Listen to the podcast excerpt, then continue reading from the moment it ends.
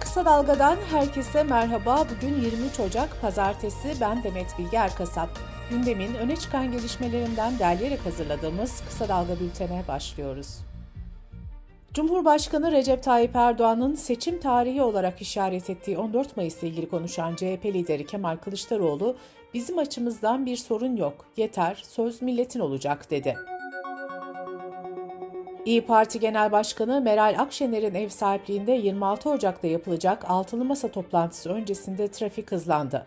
Ortak politika metni ve geçiş süreci yol haritası için son düzenlemeler yapılıyor. İki metin 30 Ocak'ta paylaşılacak.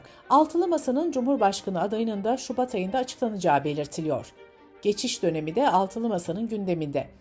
Cumhuriyet Gazetesi'nin haberine göre 3 senaryo üzerinde çalışılıyor. Buna göre masadaki partilerin toplam vekil sayısı 400 ve üzerinde olursa seçilen ortak cumhurbaşkanı ve oluşturulacağı kabine bir yıl görev yapacak. Bu süreçte geçiş için altyapı oluşturulacak ve bir yılın ardından Türkiye seçime gidecek. Böylece Cumhurbaşkanlığı hükümet sistemine son verilecek. Altılı Masa'nın 360 ila 399 arasında milletvekili çıkarması halinde güçlendirilmiş parlamenter sisteme geçişe ilişkin anayasa değişikliği referanduma götürülecek. Kötümser senaryoya göre 360'ın altında kalınması halinde muhalefet mecliste çoğunluğu sağlayacak.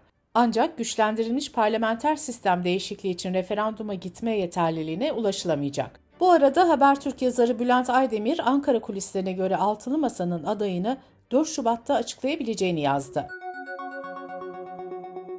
Resmi gazetede 30 Aralık'ta yayınlanan tebliğe göre yargı harçlarına %122.93 oranında zam yapıldı. Yeni listeye göre istinaf başvuru harcı 492, temiz başvuru harcı 886 lira oldu. Anayasa Mahkemesi'ne bireysel başvuru harcı ise 1480 liraya çıktı. İstanbul Barosu yargı harçlarına yapılan zammı Danıştay'a taşıdı. Deutsche Welle Türkçe'den Burcu Karakaş'a konuşan Türkiye Barolar Birliği Başkanı Enis Sakan, Cumhurbaşkanı Erdoğan'ın değerleme oranını %50 oranında azaltma etkisi olduğunu ancak bu yetkiyi kullanmadığını söyledi. Sakan şöyle konuştu. Ekonomik olarak çok zorlandığımız bir dönemi yaşarken yargı harçlarının artmasıyla özellikle dezavantajlı grupların daha çok etkileneceği bir başvuru süreci başladı. Türkiye'nin tahıl ambarı olan Konya Ovası'nda beklenen yağışlar düşmediği için ciddi bir kriz yaşanıyor. Karatay Ziraat Odası Başkanı Rıfat Kavuneker, Ekim ve Kasım sonundaki yağışlarda tohumun çimlendiğini ancak yağışlar kesilince çürümeye başladığını anlattı. 2 milyon 200 bin hektarlık ekim alanına sahip Konya'da yılda yaklaşık 2,5 milyon ton buğday üretiliyor. İstanbul İtfaiyesi 2022 yılının yangın istatistiklerini açıkladı. Buna göre 2022'de toplam 22.554 yangına müdahale edildi. Verilere göre İstanbul'da her 23 dakikada bir yangın çıktı. İtfaiye ekipleri yangınlara ortalama 6 dakikada müdahale etti. Kısa Dalga Bülten'de sırada ekonomi haberleri var. Birleşik Kamu İş Konfederasyonu'nun Ocak ayı halkın enflasyonu araştırmasının sonuçları açıklandı. Ortalama fiyatlar esas alındığında gıda fiyatlarında son 12 ayda %152 oranında artış yaşandı. Un, bulgur, makarna fiyatlarındaki artış %113 oldu. Et ve balık fiyatlarındaki artış da %94 olarak kayıtlara geçti. Süt ve süt ürünleriyle yumurta fiyatlarında %104 oranında artış gerçekleşti. Bir yıl öncesine göre yağ fiyatları %40.7 oranında arttı. Meyve fiyatları %240, sebze fiyatları %343 oranında artış gösterdi. Cumhurbaşkanlığı kabinesinde bugün ele alınması beklenen borç yapılandırma paketinin ayrıntıları belli olmaya başladı. Yapılandırmada taksit sayısı 18'i geçecek. Yapılandırma paketinde SGK tarafından takip edilen sigorta primleri, vergi alacakları, kasa ve cari hesap düzeltmesi, matrah vergi arttırımı, stok affı gibi düzenlemeler yer alacak. Paketin en geç Şubat ortasına kadar yasalaşması bekleniyor. Belediyeler olan borçlar, su ve öğrenim kredisi borçları da yapılandırma kapsamında olacak.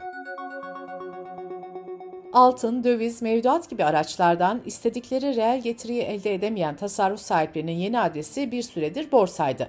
Geçtiğimiz yılın ortasında 2,5 milyon olan pay senedi yatırımcı sayısı 2022 yılını 3,8 milyon kişiyle kapatmıştı. Ekonomi gazetesinde yer alan habere göre Borsa İstanbul'da yatırımcı sayısında uzun süre sonra ilk haftalık düşüş yaşandı ve 83 bin kişi borsadan çıktı. Türkiye genelinde 2022 yılında en çok konut satılan ilçeler belli oldu. Listede ilk sırada 36.315 adetle İstanbul Esenyurt yer aldı. Esenyurt'u 26.193 adetle Antalya'nın Alanya ilçesi takip etti.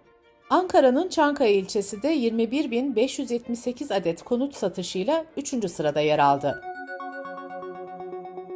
Merkez Bankası Başkanı Şahap Kavcıoğlu döviz kuru istikrarlı bir şekilde devam ediyor dedi. Kavcıoğlu sözlerine şöyle devam etti. Rezervlerimizdeki artış kura olumlu yansıyor. Merkez Bankası'nın herhangi bir kur hedefi yok. Dış politika ve dünyadaki gelişmelerle bültenimize devam ediyoruz. Danimarkalı ırkçı Sıkı Yön Partisi lideri Rasmus Paludan, Türkiye'nin Stockholm Büyükelçiliği önünde Kur'an-ı Kerim yaktı. Irkçı siyasetçinin bu hareketine Türkiye'den sert tepki geldi. İsveç'in Ankara'daki Büyükelçiliği ve İstanbul'daki konsolosluk binaları önünde protestolar düzenlendi. Dışişleri Bakanlığı'ndan yapılan açıklamada eyleme izin veren İsveç'e tepki gösterildi. Açıklamada şu ifade yer aldı. Bu bir nefret suçudur. Bu aşağılık eylem aynı zamanda İslam düşmanlığının, ırkçı ve ayrımcı akımların Avrupa'da ulaştığı kaygı verici seviyenin de göstergesidir. Dışişleri Bakanı Mevlüt Çavuşoğlu da nefret suçu ifade özgürlüğü değildir, dedi. MHP Genel Başkanı Devlet Bahçeli de Paluda'nın eylemine izin veren İsveç'e seslenerek NATO üyeliği Gazi Meclis'in onayından geçemeyecektir diye konuştu. CHP lideri Kemal Kılıçdaroğlu da şu mesajı paylaştı. İnsanlık dışı bu saldırı kabul edilemez. Milyarlarca Müslümanı incitecek bu saygısızlığın amacını da hedefini de iyi biliyoruz. Nefret suçunun zirvesi olan bu faşizmi lanetliyorum. HDP eş genel başkanları Pervin Buldan ve Mithat Sancar da eylemi kınadı. Yapılan açıklamada halkları ve inançları ayrıştıran ve düşmanlaştıran her türlü eylemin karşısındayız denildi. Gelecek Partisi Genel Başkanı Ahmet Davutoğlu'nun mesajı da şöyleydi. İslamofobiye karşı İsveç hükümeti gerekli adımları atmalı, insanlıktan nasibini almamış saldırganlar cezasız kalmamalıdır. Türkiye Barolar Birliği'nin açıklamasında da Kur'an-ı Kerim'in yakılması eylemi açık bir nefret suçudur ifadeleri kullanıldı. Bu arada İsveç Başbakanı da bir açıklama yaptı ve şunları söyledi. Birçokları için kutsal olan kitapları yakmak son derece saygısız bir davranıştır. Stockholm'da yaşananlardan rahatsız olan tüm Müslümanlara sempatimi iletiyorum. Fransız hükümetinin emeklilik yaşını 64'e çıkarmayı hedefleyen reformuna karşı binlerce kişi eylem yaptı. 64 yaşında emekliliğe hayır, metro, iş, tabut, 60 yaşından sonra çalışmak öldürür pankartları taşıyan göstericiler, Macron istemese de işçilerin onuru ve daha iyi bir dünya için buradayız sloganları attı. Emeklilik yaşının 62 olduğu ülkede 1 Eylül'den itibaren yasal emeklilik yaşının kademeli olarak her yıl 3 ay yükseltilmesi planlanıyor. 2027'de emeklilik maaşının tamamını alabilmek için 43 yıl boyunca prim ödenmesi şartı getiriliyor.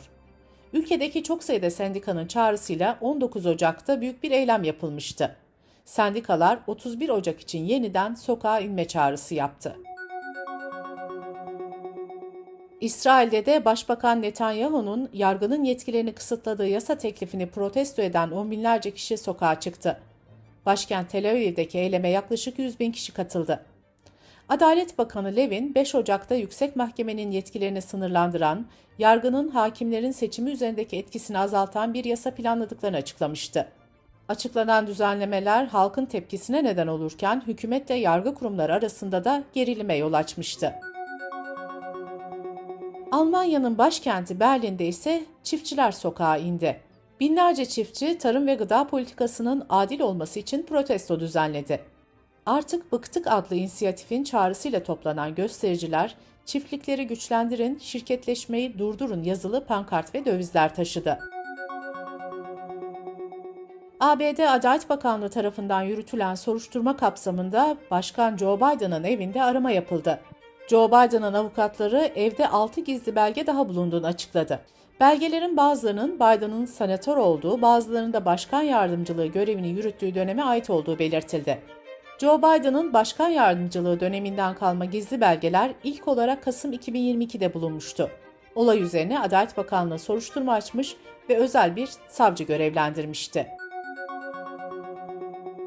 İngiltere Başbakanı Rishi Sunak'ın hareket halindeki bir araba içinde sosyal medya için video çekimi yaptığı sırada emniyet kemeri takmadığı görülmüştü. Londra polisi başbakana ceza kesti.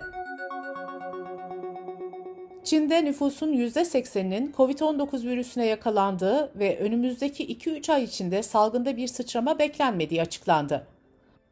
Salgının başından bu yana gerçek verileri açıklamamakla itham edilen Çin, 12 Ocak haftasından bugüne kadar hayatını kaybeden kişi sayısının 60 bini geçtiğini duyurdu.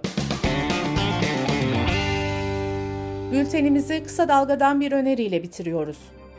İki usta gazeteci Ayşe Yıldırım ve Sedat Bozkurt her hafta Politikes serisinde siyasi gündemi yorumluyor. 7. bölümün konusu seçimlerin neden bir ay öne alındı. Politikest'i kısa dalga.net adresimizden ve podcast platformlarından dinleyebilirsiniz. Gözünüz kulağınız bizde olsun. Kısa Dalga Medya.